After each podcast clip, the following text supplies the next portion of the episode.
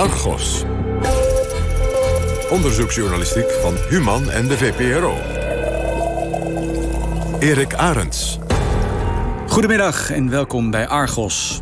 Medewerkers van de politie moeten uitblinken in integriteit. Daar is het nieuws over discriminatie dat u zojuist in het journaal hoorde een voorbeeld van. Toch leidt die eis aan de andere kant regelmatig tot excessen. De politie onderwerpt haar mensen soms bij het minste geringste aan een integriteitsonderzoek. En zo'n onderzoek kan er stevig inhakken. Het kan zelfs leiden tot strafontslag. Gebruiken leidinggevenden het middel af en toe ook niet om van lastige collega's af te komen? Luistert u naar het verhaal van politieman Ben in een reportage die ik maakte met David Davidson. De politie heeft mij verdacht van plichtsverzuim, zoals dat heet. Verduistering en diefstal van goederen. Gekocht met de dienstcreditkaart.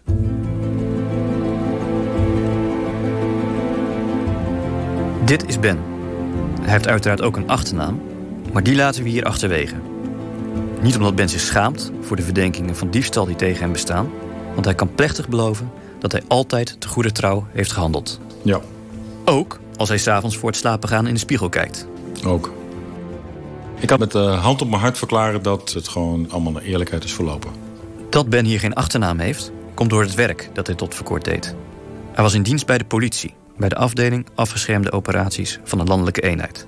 Daar was hij verantwoordelijk voor de aankoop en fabrikage van spullen waarmee de politie, bijvoorbeeld infiltranten, achter zware criminelen aangaat.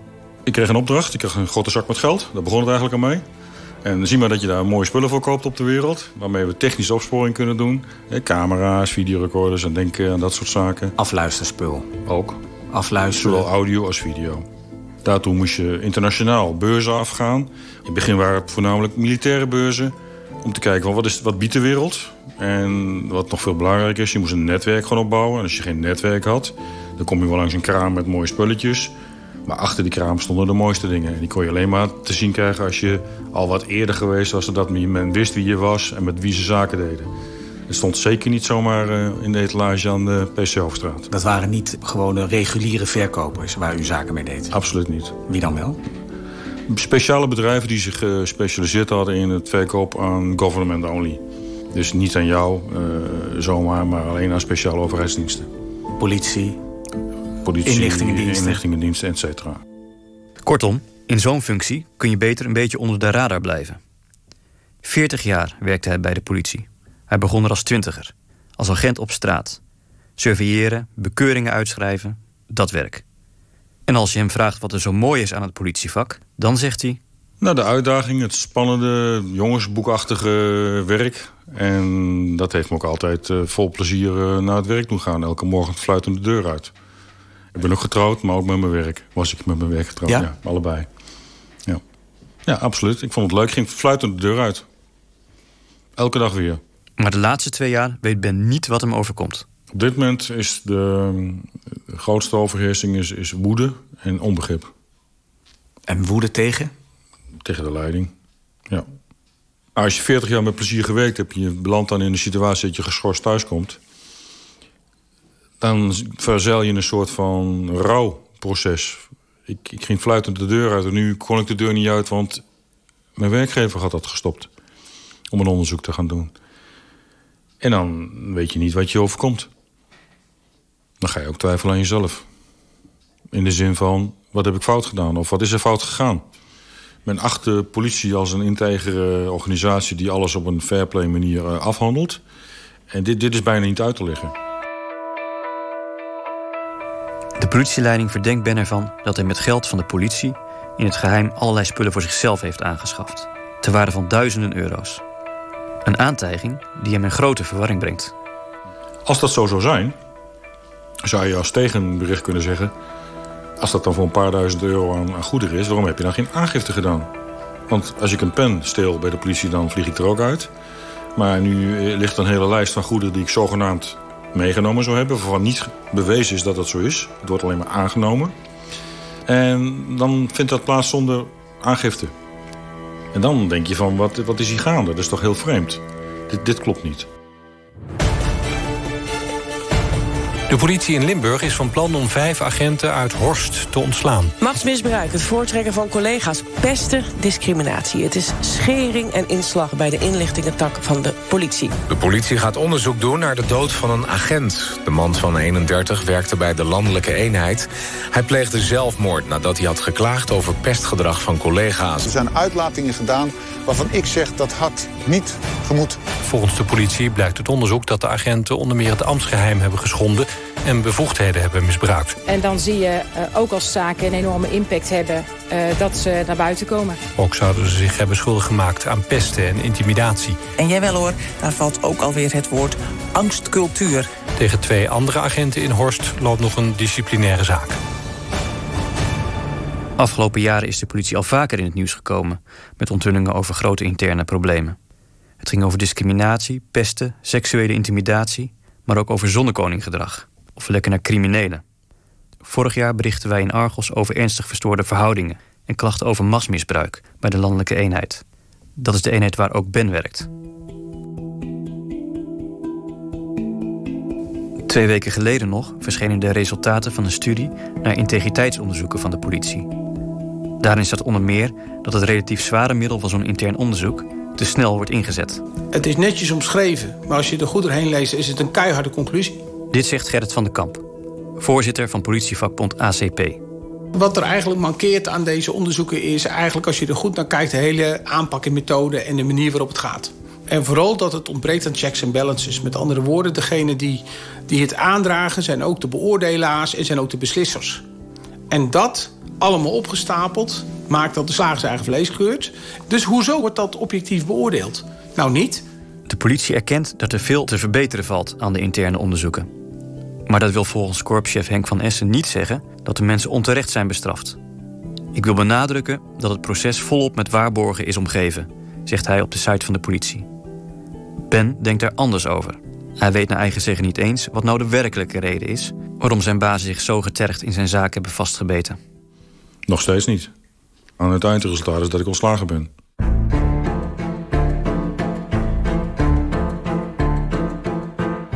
De bizarre periode, zoals Ben het noemt, begint in 2018. Op Schiphol, om precies te zijn. Ben moet naar Londen om een aantal IMSI-catchers te laten updaten. IMSI-catchers. Dat zijn peperdure apparaten waarmee de politie mobiele telefoons van criminelen kan traceren. Meestal zet Ben op Schiphol zijn auto op een goedkope parkeerplaats. Normaal gesproken parkeerde ik op P3. En dan wist ik wel in welke rij ik moest gaan staan, want dan was het kosten bij de, bij de bus. Rij 504. Maar deze keer besluit hij zijn auto dicht bij de ingang te zetten. Ik had drie grote koffers bij me met apparatuur erin... die voor service en onderhoud bij de leverancier afgeleverd moest worden. Ik had het gecombineerd met een beursbezoek.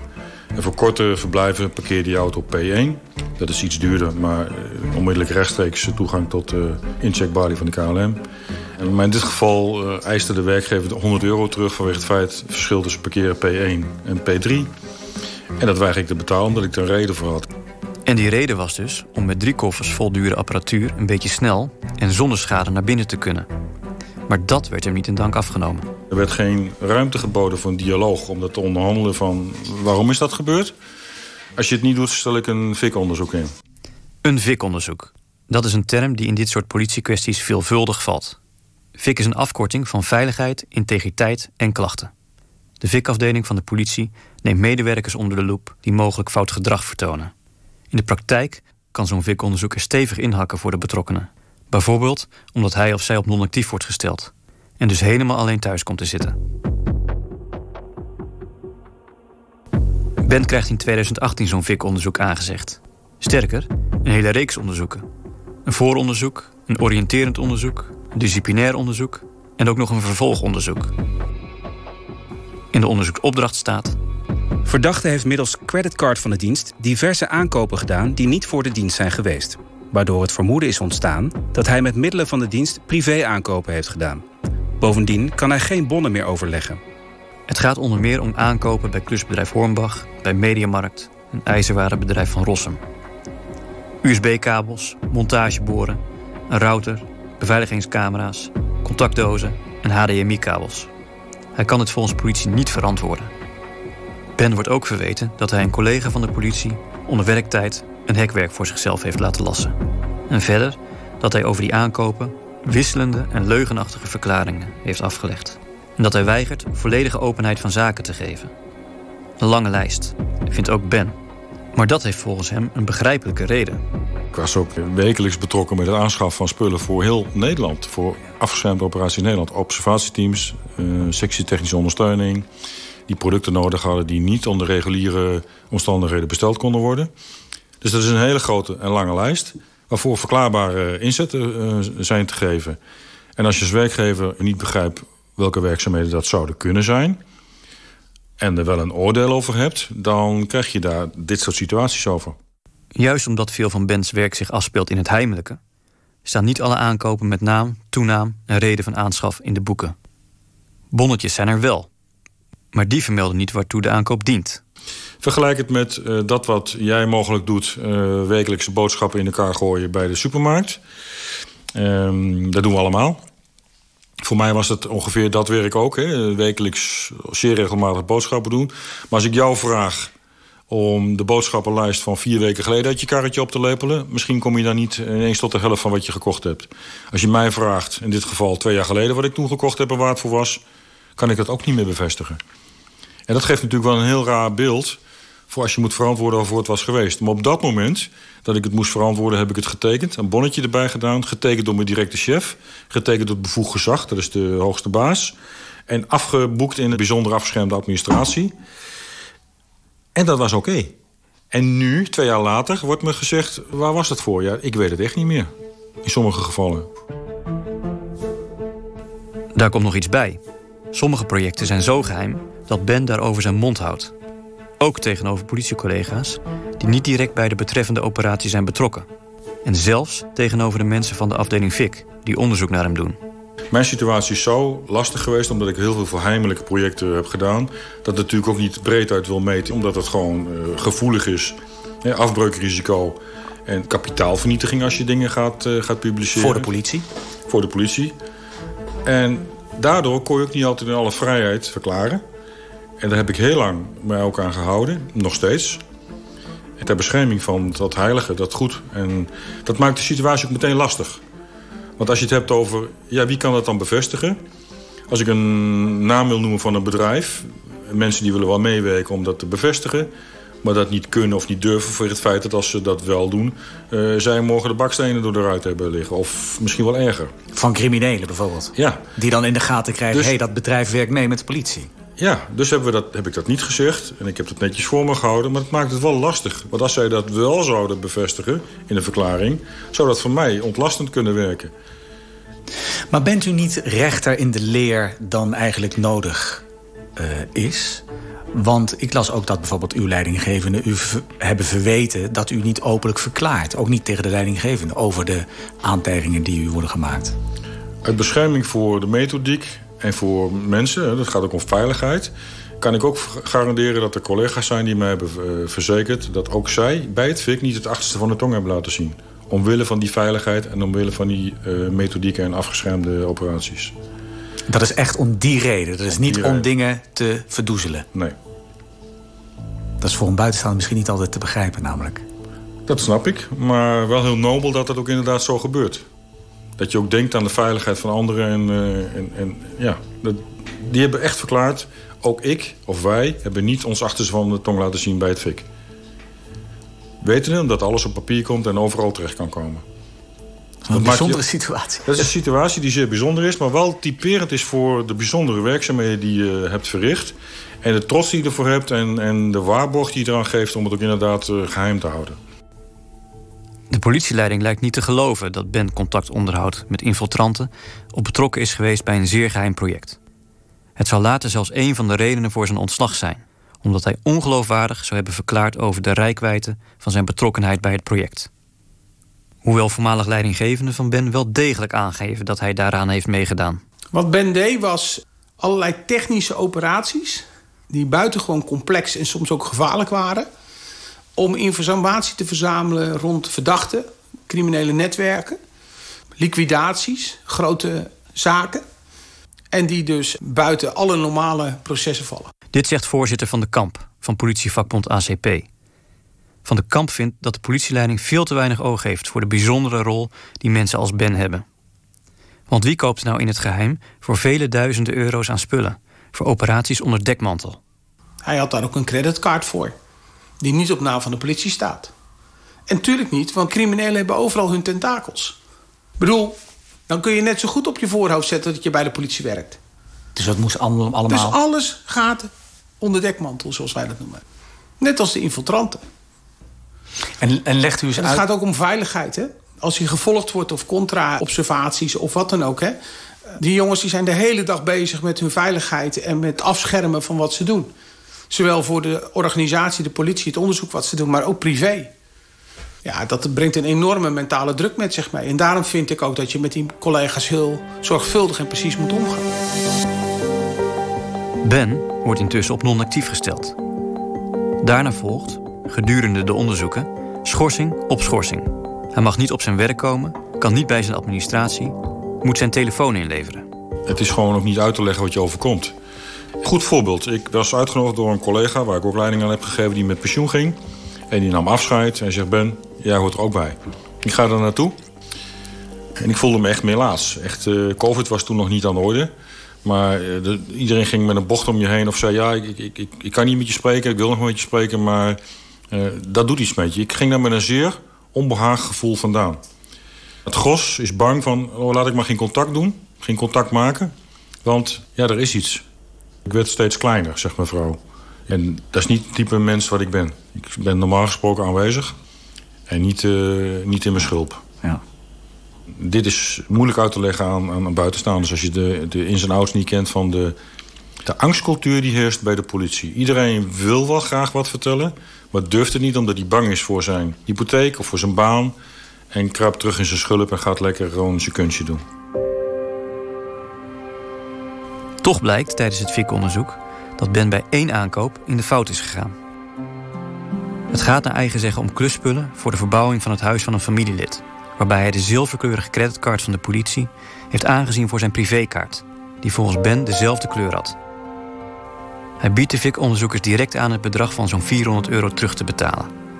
En vertelt ook de reden voor de vergissing. Een telefoontje van zijn hartsvriend. Dat belletje was bijzonder, omdat dat het belletje de laatste zou zijn.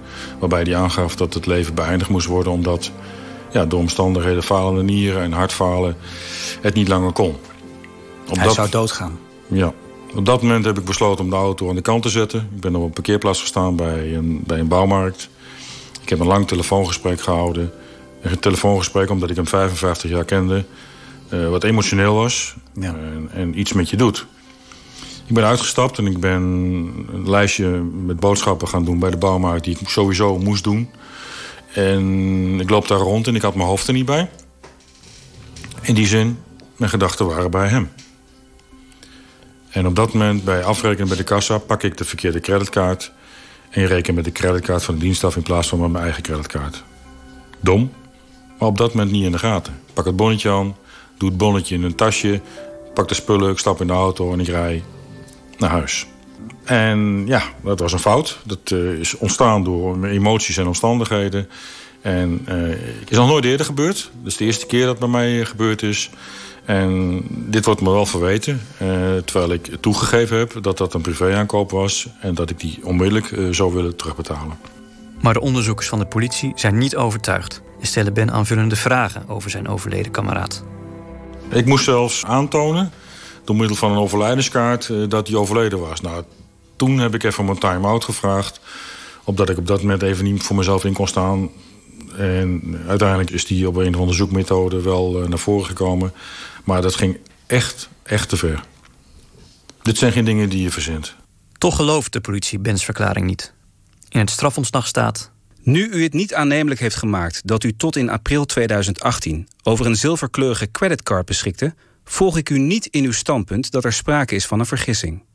Over het overlijden van de hartsvriend en het feit dat Ben het aankoopbedrag direct wilde terugbetalen, staat in het strafontslag niets. Hij verantwoordde dingen op een bepaalde manier. En dat is jarenlang zo gegaan. En alle bazen die hij heeft gehad, hebben daarvoor getekend. Niet één keer, maar permanent. Tot op het laatste moment toe. Dus dan vind ik gewoon het onterecht hoe hem dit nu op deze wijze wordt aangevreven. Vakbondsvoorzitter van de Kamp krijgt in de loop van 2018 lucht van de zaak van Ben. Hij besluit zich er persoonlijk mee te gaan bemoeien. Ja, tijdens het onderzoek uh, dan heb je een soort feitenfase. Dan krijg je de mogelijkheid om als politieman of vrouw je verhaal, hè, de wederhoor, te doen. En de zaak was zodanig complex, maar ook zwaar... dat Ben het fijn vond als ik daarbij was. En ik heb er dus ook voor gekozen om bij wijze van hoge uitzondering... bij dat verhoor te zijn.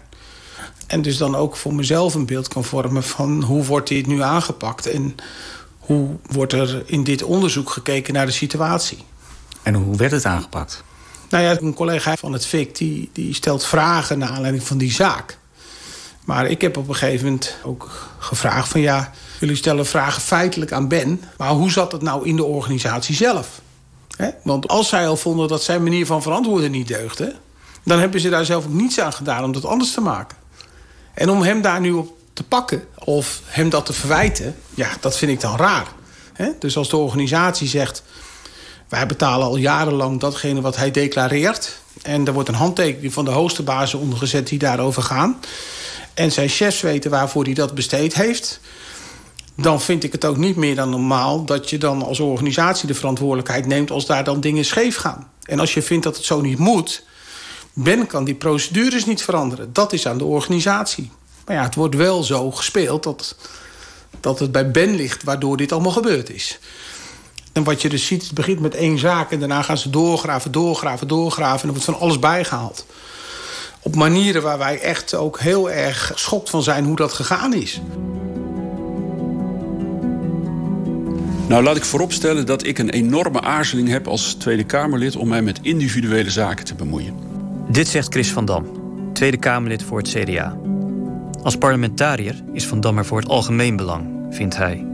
En niet voor het belang van één enkele persoon. Maar ja, hij is ook oud-politieman en oud-officier van justitie. En dat weten politiemensen. Dus werd hij in 2017, tijdens een werkbezoek in Enschede... aangesproken door een inspecteur. Een politieman tegen wie een fikonderzoek liep. Toen ik dat verhaal hoorde en toen ik op een gegeven moment een oproep is deed aan via social media van wie heeft er nog meer dingen te stellen met die fikonderzoeken. Ja, toen barstte eigenlijk de bom. Toen kreeg ik zoveel zaken over me heen waarvan ik echt dacht: ja, jongens, dit kan gewoon niet. Dat ik me daarin ben gaan verdiepen en dat ik een lijn begon te zien in die onderzoeken. En toen heb ik me daarin vastgebeten. Van Dam heeft inmiddels een ordner vol verhalen van politiemensen die zeggen slachtoffer te zijn van disciplinaire onderzoeken. Kleine misstappen die grote consequenties hebben. Ik ken bijvoorbeeld de casus van een politieman die uh, leidinggevende was op een team. En kwam een van zijn medewerkers naar hem toe en die zei: Ik heb stroopwafels in beslag genomen. Maar er zijn er een stel door de collega's opgegeten. Die dachten dat het gewoon ja, voor de consumptie was. Maar die moesten dus eigenlijk als in beslag genomen voorwerp gehanteerd worden. Dus die leidinggevende die zei: Nou ja, dat is vervelend, maar weet je wat, ga naar Albert Heijn. Koop even wat nieuwe zakjes, zodat je weer op het aantal bent. En dan huppakee. Ja, naar deze persoon is een VIK-onderzoek gestart. En die is uiteindelijk gedegradeerd in functie... en mocht vijf jaar niet als leidinggevende optreden. Naar mijn smaak een enorme overreactie. Kijk, zo iemand, het is niet goed wat hij doet. Want het zijn niet de stroopwafels die origineel in beslag zijn genomen. Dus het is evident dat je dan op een andere manier daarmee om moet gaan. Maar ik denk dat er bij deze man nul foute intentie was. Die moet je dus bij wijze van spreken vertellen hoe het wel moet. Maar om die meteen zo te straffen... dat zien al die politiemensen eromheen in zo'n team... En je krijgt dus een angstcultuur. Dat is wat je creëert. Van Dam trok aan de bel bij minister Grapperhaus van Justitie en Veiligheid. Want de kwaliteit van de integriteitsonderzoeken van de politie leek beneden de maat. Wat ik zie is dat ze er te veel werk maken naar de verkeerde groep mensen toe.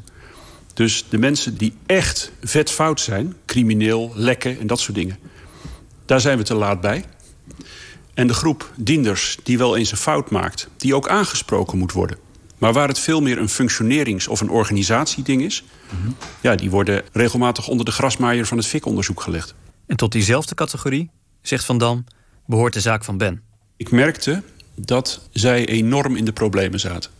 Dus ja, gewoon ook puur menselijk heb ik hun verhaal aangehoord, heb ik uh, hen gesproken.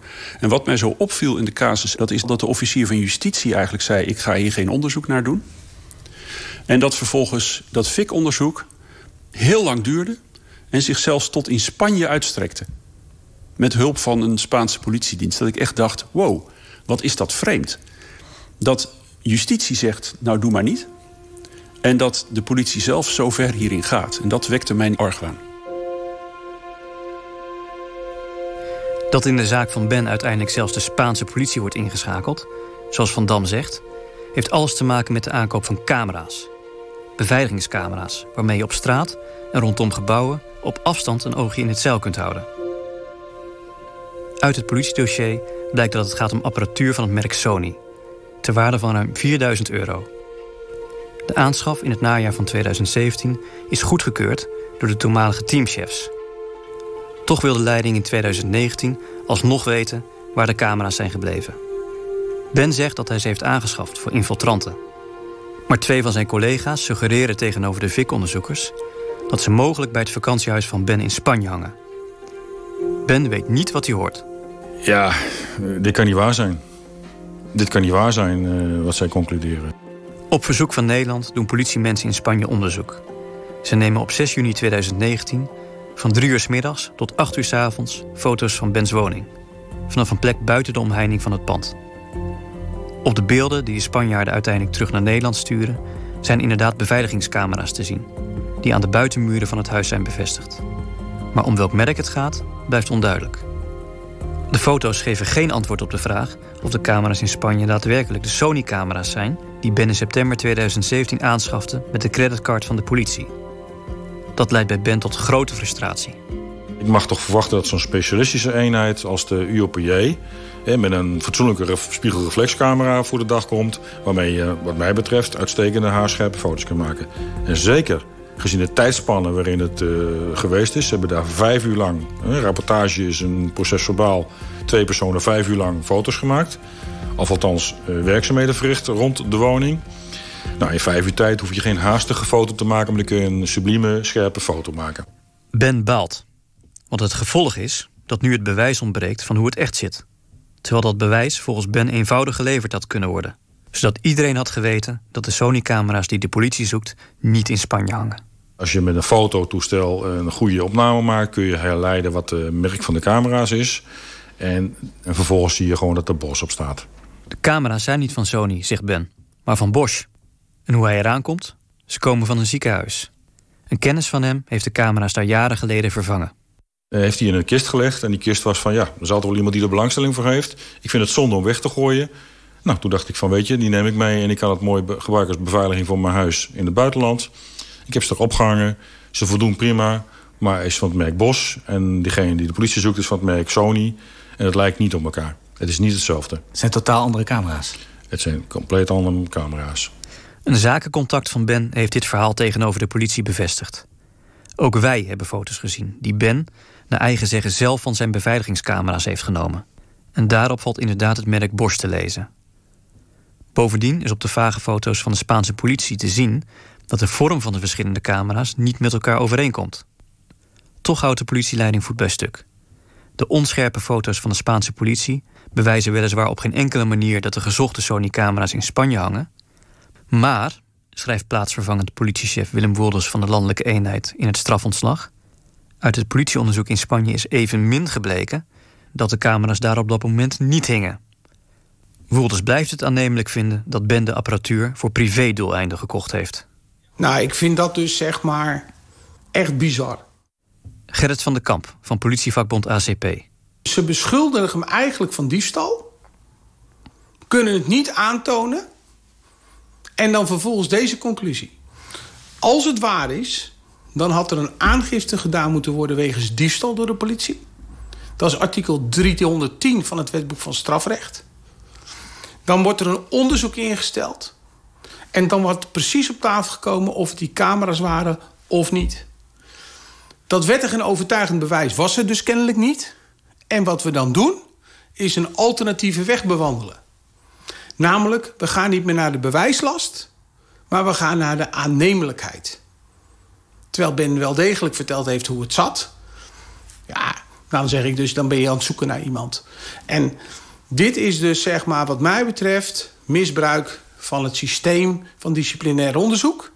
Een omweg om iemand eruit te werken. Dat is wat mijn conclusie is. Tweede Kamerlid en oud-officier van justitie Chris van Dam. Dat de Spaanse politie ingeschakeld wordt om onderzoek te doen. Iedereen die in deze wereld rondloopt, die weet dat als je in het buitenland iets wil gaan doen, dan moet je een juridische titel hebben om dat te doen. Dan moet je een soort rechtshulpverzoek indienen. In het strafrecht is dat allemaal prima geregeld. Ik heb er echt nog nooit van gehoord dat in het kader van een tuchtrechtelijk onderzoek ook de buitenlandse politie wordt ingeschakeld. En daarmee blijkt voor mij dat je zo verbeterd bent om tot een bepaald resultaat te komen. En dat die verbetenheid wordt ook bevestigd door een medewerker destijds van het FIC die op papier heeft verklaard uh, dat er eigenlijk al een bepaald doel nagestreefd werd met het onderzoek. Ja, dan denk ik echt bij mezelf, jongens. Deze man heeft in mijn ogen geen eerlijke kans gehad. Dat denk ik dan. De FIC-medewerker over wie Van Dam het heeft, is inmiddels met pensioen. Maar hij gaf wel een verklaring af aan de vakbond ACP over de gang van zaken in het onderzoek naar Ben. Een onderzoek waarbij deze FIC-medewerker persoonlijk betrokken was. Toen dit eerste onderzoek in de loop van 2018 was afgerond, dus nog voor de naspeuringen in Spanje, kwam een zware delegatie samen om de bevindingen van de VIC-onderzoekers te bespreken. Teamleiders, diensthoofd Marjolein Smit, plaatsvervangend leidinggevende Willem Woelders van de Landelijke Eenheid en de juristen van de politie. Met enige verbazing constateerde ik dat een groot aantal leidinggevenden aanwezig was, hetgeen niet gebruikelijk was. Het dossier werd vervolgens besproken, waarna aan de juristen werd gevraagd welke straf zij adviseerden. De juriste had onderzoek gedaan naar eerdere zaken en kwam tot de conclusie dat een schriftelijke berisping de zwaarste straf zou kunnen zijn. Het diensthoofd, Marjolein Smit, gaf direct aan dat ze het hier niet mee eens was. Ze vond de straf onvoldoende en had verwacht dat de juriste ontslag zou adviseren. Daarna ontstond een korte discussie tussen Marjolein Smit en de juriste. De juriste bleef bij haar advies. Ondergetekende kreeg de overtuiging dat er voor het diensthoofd maar één gewenste uitkomst was. Te weten, strafontslag. Een schriftelijke berisping was onvoldoende. Na afloop van de bijeenkomst heb ik dit besproken met collega en hij deelde die mening. Al dus naar waarheid opgemaakt 16 september 2020. En dan zijn er ook nog de bevindingen van de interne commissie van de politie. Die heeft zich gebogen over een officiële klacht die Ben tegen diensthoofd Smit indiende. Daarin staat onder meer dat de personele zorg voor Ben niet goed is verlopen. En dat er vanuit de politie ongewenste zijsturing heeft plaatsgevonden in het FIC-onderzoek naar Ben. Verder wordt aan de baas van de landelijke eenheid geadviseerd om met diensthoofd Smit haar wijze van communicatie te bespreken. Deze is niet altijd effectief, omdat ze door medewerkers als te direct, oordelend en daardoor intimiderend kan worden ervaren.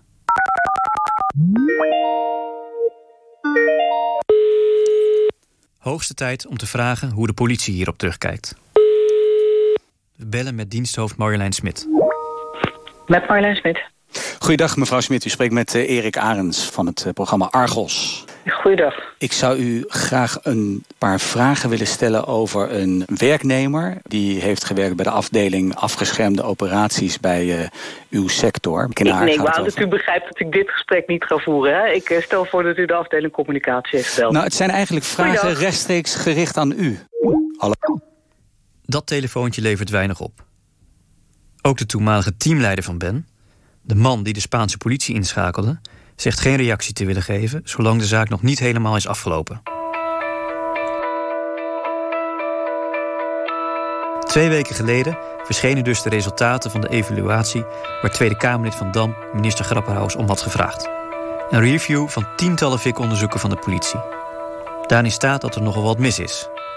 De onderzoeken duren te lang, er is onvoldoende aandacht en zorg voor het welzijn van de werknemer, er zijn te weinig onderzoekers die bovendien niet erg ervaren zijn en niet altijd neutraal in hun onderzoek. Bij sommige FIC-afdelingen kunnen gebrek aan opleiding en competenties in combinatie met de werklast goed onderzoek in de weg staan. En er staat. In interviews wordt benoemd dat te lichtvaardig een intern onderzoek wordt gestart en dat een onderzoek door FIC soms door de werkgever wordt gebruikt als pressiemiddel om een ongewenste situatie, vaak onvoldoende functioneren, aan te pakken. Chris van Dam ik zal heel eerlijk zijn, ik zou op dit moment liever door de Rijksrecherche onderzocht worden dan door een FIC-onderzoek. Hoezo? Ik denk dat er bij de Rijksrecherche echt veel meer waarborgen ingebouwd zijn om echt die onafhankelijkheid in het onderzoek te doen. Dat het ook niet gestuurd wordt vanuit de politieorganisatie. Maar dat het vanuit het Openbaar Ministerie gestuurd wordt. Ik denk wel degelijk dat uh, sommige VIK-onderzoeken... dat de politieleiding daar te dicht op zit. Gerrit van der Kamp. Wat er eigenlijk mankeert aan deze onderzoeken... is eigenlijk het hele aanpak en methode en de manier waarop het gaat. Niks is gereguleerd. Niets is gekwalificeerd. Er is geen duidelijkheid over wat er wel mag worden gedaan... en wat er niet mag worden gedaan. En dan heb ik het over dat je ziet dat in nogal wat gevallen... strafrechtelijke bevoegdheden worden gebruikt in een disciplinair onderzoek... zonder dat de collega verdachte is. Ja, dat is helemaal de bedoeling niet. Ik krijg uit de meldingen die ik heb gekregen zeker de indruk dat FIC-onderzoeken in hoge mate gestuurd worden door de leiding van de politie. Met andere woorden, degene die, die het aandragen zijn ook de beoordelaars en zijn ook de beslissers. En dat allemaal opgestapeld maakt dat je het ook in de cirkel houdt van degene die met die zaak bezig zijn, net als met Ben. Sterker nog, ik heb een casus gezien waar een medewerker van een FIC achteraf vertelt dat op voorhand de uitkomst al vast moest staan van het FIC-onderzoek. Dat het een bepaalde kant op moest gaan. En dan krijg ik toch wel een heel vervelende smaak in mijn mond. Want daar is de plaats van, de politiechef, het sectorhoofd en de betreffende team. Die alle drie zitten continu in dat hele systeem. Dus hoezo krijg je dan een kans? De reden kan zijn dat men gewoon ook af wil van iemand.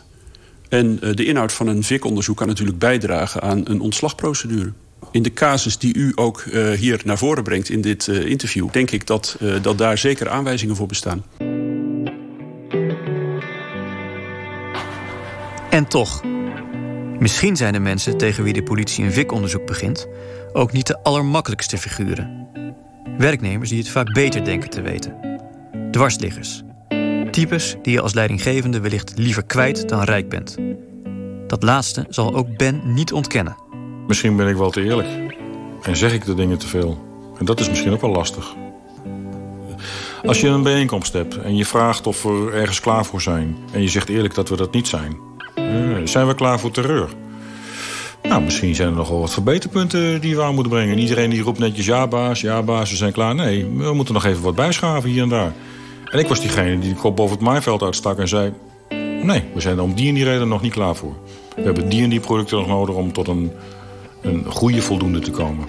Nou ja, dit zijn natuurlijk ook collega's met bepaalde karaktertrekken. Dit zijn binnen de politie dan ook nog weer bijzondere personen die een zekere mate van eigen wijsheid en een manier van doen hebben... die te maken heeft met de rol en de positie. Die, en ik zei het al, het is een hele ingewikkelde functie. Dus die, dat is niet zo makkelijk om die even aan te sturen. Je moet dus echt wel vanuit de vakinhoud die mensen willen aansturen. En ik denk dat ze hem gewoon te lastig vonden. Ik denk dat het heel veel te maken heeft met de geen gedoe mentaliteit. Dus zodra er een dingetje is, oh jongens, uh, transparant, open, anderen laten kijken, onderzoek doen. Dus voor het minste of geringste wordt er zo'n onderzoek uit de kast gehaald. Ook uit een soort behoefte om het zo goed mogelijk te doen. Terwijl een heleboel dingen uh, veel beter opgelost kunnen worden... door mensen aan tafel te halen en ze of nou ja, het direct uit te praten... Ook, ook meteen op een donder te geven. Dat, dat is in een aantal gevallen ook hard nodig. Maar er zou veel directer gestuurd moeten worden uh, op die, die kleinere zaak. Er zijn weinig mensen in Nederland die zo'n rechtvaardigheidsgevoel hebben... als onze Nederlandse politiemensen. Dus als ze iets fout hebben gedaan... accepteren ze ook in hoge mate dat ze op hun donder krijgen. Maar wel in een rechtvaardig perspectief. En daar gaat het mis.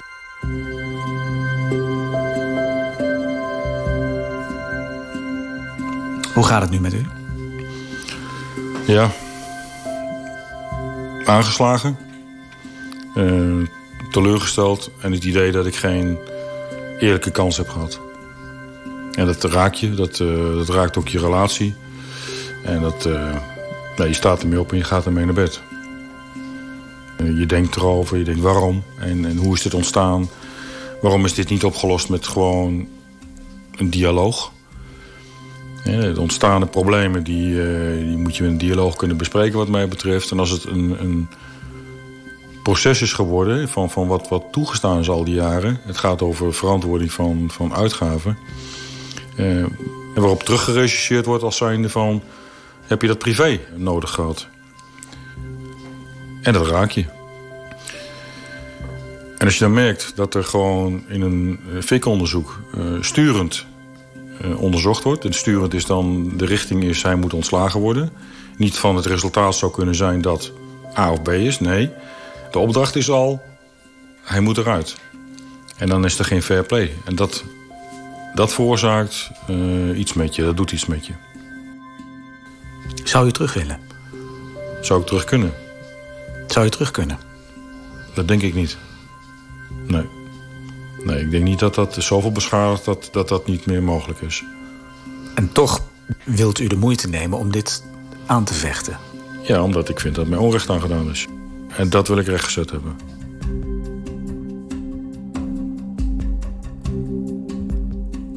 Tot zover deze reportage die ik maakte met David Davidson. Techniek Alfred Koster, eindredactie Harry Lensink.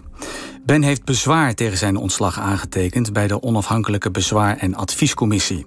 Die behandelt de zaak volgende maand. Uiteraard hebben we ook onze vragen voorgelegd aan de afdeling persvoorlichting van de politie. Zij wilde helaas niet op de radio, maar de landelijke eenheid heeft wel een schriftelijke reactie gegeven over de zaak van Ben. De politie erkent dat er op het onderzoek, zoals zij het noemt, het een en ander valt aan te merken. Zo heeft het onderzoek ruim anderhalf jaar geduurd, schrijft de politie, en dat is langer dan wenselijk. Ook waren de personeelszorg voor de medewerker en de communicatie tijdens het onderzoek niet optimaal. Tijdens het onderzoek zijn bovendien onderzoekshandelingen verricht in opdracht van een leidinggevende buiten medeweten van het onderzoeksteam om. Dit is niet in lijn met de gebruikelijke aanpak. Ook het, hoofd van de ook het hoofd van de landelijke eenheid, Janine van den Berg, heeft gereageerd. En zij zegt: Iedere medewerker heeft recht op een eenduidige en zorgvuldige behandeling en op kwalitatief hoogwaardig onderzoek naar mogelijke normoverschrijdend gedrag. Net als de recente review interne onderzoeken toont deze zaak aan dat dat helaas niet altijd goed lukt. De aanbevelingen uit de review en de bevindingen van de klachtencommissie in deze zaak bieden ons handvatten om te verbeteren. Goed, dat dus enerzijds, maar aan de andere kant vindt de politie dat de uitkomst van het onderzoek naar Ben niets aan duidelijkheid te wensen overlaat. De aard en ernst van de gedragingen waren zodanig, schrijft ze, dat er maar één maatregel op kan volgen en dat is disciplinair strafontslag. De volledige reactie kunt u lezen op onze website vpro.nl/slash Argos. En mocht u nou ook, net als Ben, bij ons een maatschappelijke misstand aan de kaak willen stellen, maar wilt u in eerste instantie liever dat anoniem doen, dan kan dat veilig en eenvoudig via Publieks. Ga daarvoor naar vpro.nl/slash Argos/slash contact. NPO Radio 1 Argos. Ja, we praten nog even verder over de integriteitsonderzoeken van de politie. Want zoals u in de reportage hoorde, heeft de politie een review laten doen naar de kwaliteit van die onderzoeken. En met die kwaliteit blijkt nogal wat mis. Contact nu met Kitty Nooy. Goedemiddag, mevrouw Nooy. Goedemiddag. U bent hoofdofficier van Justitie geweest. Bent ook oud-voorzitter van het bureau Integriteit van het Openbaar Ministerie. Dus u heeft zelf jarenlange ervaring ook met die integriteitsonderzoeken. U heeft de review naar de kwaliteit van de politieonderzoeken gelezen. Hè? Wat is volgens u de belangrijkste conclusie uit dat rapport? Ja, nou, laat ik voorop zeggen dat het uh, heel goed is dat de politie het onderzoek heeft laten plaatsvinden. Dat vraagt ook allemaal een beetje moed, zal ik maar zeggen. Want je laat wel in de keuken kijken, dus dat is goed. Ja. Het is een helder rapport met uh, hele duidelijke aanbevelingen. Dat zie ik ook niet altijd. En het fascinerende is dat de aanbevelingen die ik daar zie... dat ik die herken vanuit mijn eigen tijd bij het Openbaar Ministerie. En overigens kan ik zeggen dat als je organisaties op dit soort onderzoeken laat laat onderzoeken, zal ik maar zeggen... dan uh, kom je vrijwel dezelfde aanbevelingen tegen. Dus er is nogal wat te doen in de, in de maatschappij. En wat zijn de aanbevelingen? Um, hoe, de, die, die uw goedkeuring kunnen wegdragen dan ja, eigenlijk? Nou, vrijwel allemaal. Maar wat ik vreselijk belangrijk vind... is uh, dit inrichting landelijk team voor grotere zaken. Kijk, dat die fix blijven bestaan, dat, uh, dat begrijp ik wel. Want die hebben best wel een functie voor de wat kleinere zaken. Mhm. Mm -hmm. Maar als het complex is, dan is het heel slim... om daar goed opgeleide onderzoekers op te zetten. Want als er iets ingewikkeld is voor de politie... dan is het het onderscheid maken tussen een strafrechtelijk onderzoek... en een disciplinair onderzoek. Oftewel een onderzoek volgens uh, een, een, een bestuursrechtelijk onderzoek. Ja. Dat is echt heel erg ingewikkeld. Uh, een ander punt dat ik heel belangrijk vind is het, uh, is het lerend vermogen. Um, en daar, dat heeft alles te maken met communicatie. En als er ook iets ingewikkeld is, dan is het wel om intern de mensen te leren van wat er niet goed is gegaan bij bepaalde politiemensen en wat daar uh, het resultaat op is. En dat is dus niet alleen belang voor, uh, voor, de, voor de politieman of vrouw zelf... maar het is ook van belang voor de organisatie om te zien... Um, ja, wat, er, wat er toch wel en niet wordt, wordt toegestaan. Daar wordt veel te weinig over gecommuniceerd. Dat is ingewikkeld in verband met de privacy. Maar jee, wat is het belangrijk? Ja, ja. De hoogste politiebaas, korpschef Henk, Henk van Essen... die erkent dat het beter moet, hè, heeft hij laten weten. Maar hij schrijft ook, dat betekent niet dat er mensen onterecht zijn bestraft. Kan hij dat eigenlijk wel stellen op basis van de conclusies van die review? Ja, als ik politiechef was, dan zou ik dat ook zeggen. En dat begrijp ik ook wel. Maar ik weet dat niet zeker, eerlijkheidshalve. Hm. En dat heeft ermee te maken dat uh, ik ook niet zeker weet... of de bestuursrechter wel heel goed controleert... of dat disciplinaire onderzoek, zal ik maar zeggen... of dat heel goed en zuiver is uitgevoerd. Ik vrees dat dat niet tot zijn of haar taak behoort. En als je kijkt naar uh, de, het proces en de kolom van die integriteitsonderzoeken... dan zie je dat er inderdaad heel veel waarborgen zijn. Daar heeft Van Essen volledig gelijk in. Mm -hmm. Maar ik zou heel graag zien dat als de politie het nou toch gaat veranderen... ik zal niet zeggen op de schop gooien... maar dat toch iets met die aanbevelingen gaat doen... neem dan ook mee dat er een moment is waarop zo'n onderzoek heel goed wordt gecheckt. Want daar durf ik mijn hand toch bepaald niet voor in het vuur te steken. Dat dat nu wel gebeurt, bedoelt u? Ja, nee. Mm. Dat, en nogmaals, uh, politie wil absoluut de beste dingen. Het zijn in het begin zo heel integere mensen. Maar er zitten te veel voetangels en klemmel, klemmen in zo'n integriteitsonderzoek... om dat meteen helemaal goed te doen. En in deze zaak van Ben die we net hebben laten horen... aan de ene kant zegt de politiechef van de landelijke eenheid... die zegt iedere medewerker heeft recht op een eenduidige en zorgvuldige behandeling... op een kwalitatief hoogstaand onderzoek. Maar dat is dan in dit geval helaas niet gelukt, erkent zij ook. En aan de andere kant zegt, ze, zegt de politie... ja, dat strafontslag dat is eigenlijk de enige juiste uitkomst van het onderzoek. Valt dat te rijmen? Ja, dat vind ik lastig. Want als uh, oud-officier van justitie ben ik gewend alleen een standpunt in te nemen als ik het hele dossier ken. En dat ken ik niet. Maar ik zie natuurlijk ook wel dat die, die zijsturing, zal ik maar zeggen, die observatie in uh, Spanje zonder toestemming van het uh, bevoegd gezag. Ja. En zonder te kijken, want dat vind ik ook een hele spannende. Als je kijkt naar de werkwijze van die man, die kennelijk stamt uit voor 2000... Mm -hmm dan is het de vraag of die werkwijze uh, of die nog wel verantwoord was. En laat helder zijn dat hij, hij verantwoordelijk blijft voor wat hij heeft gedaan en voor wat hij niet heeft gedaan. Mm -hmm. Maar als blijkt dat zo iemand moet werken uh, volgens een werkwijze waarin het ingewikkeld blijft, laat ik het maar zo zeggen, om op het juiste pad te blijven. Ja, dan denk ik dat je dat, als dat zo is, hè, als, mm -hmm. want ik weet het gewoon niet, mm -hmm. ja, dan mag je dat best wel in je, in je sanctie meenemen. Laat ik het zo zeggen. Ik gun deze man en de politie dat er nog eens een keer naar dat onderzoek wordt gekeken. Dat zou een mooie eerste stap zijn in het opvolgen van de aanbevelingen. En wie zou dat moeten doen? Onderzoek. Wie zou dat moeten doen? Uh, in, ik zou zeggen in dit geval een externe. Laat dat nou alsjeblieft niet de politie zelf doen. Niet dat ze dat niet kunnen, maar ik wil ook niet mijn eigen vlees kleuren. Zou u het willen doen? Dit is geen sollicitatieprocedure. Nee, nee, nee, nee. nee. Ik hm. denk dat... Uh, Laat dat alsjeblieft een, uh, een, externe doen. Ja, ja. Ik denk dat de politie en deze man dat beide verdienen.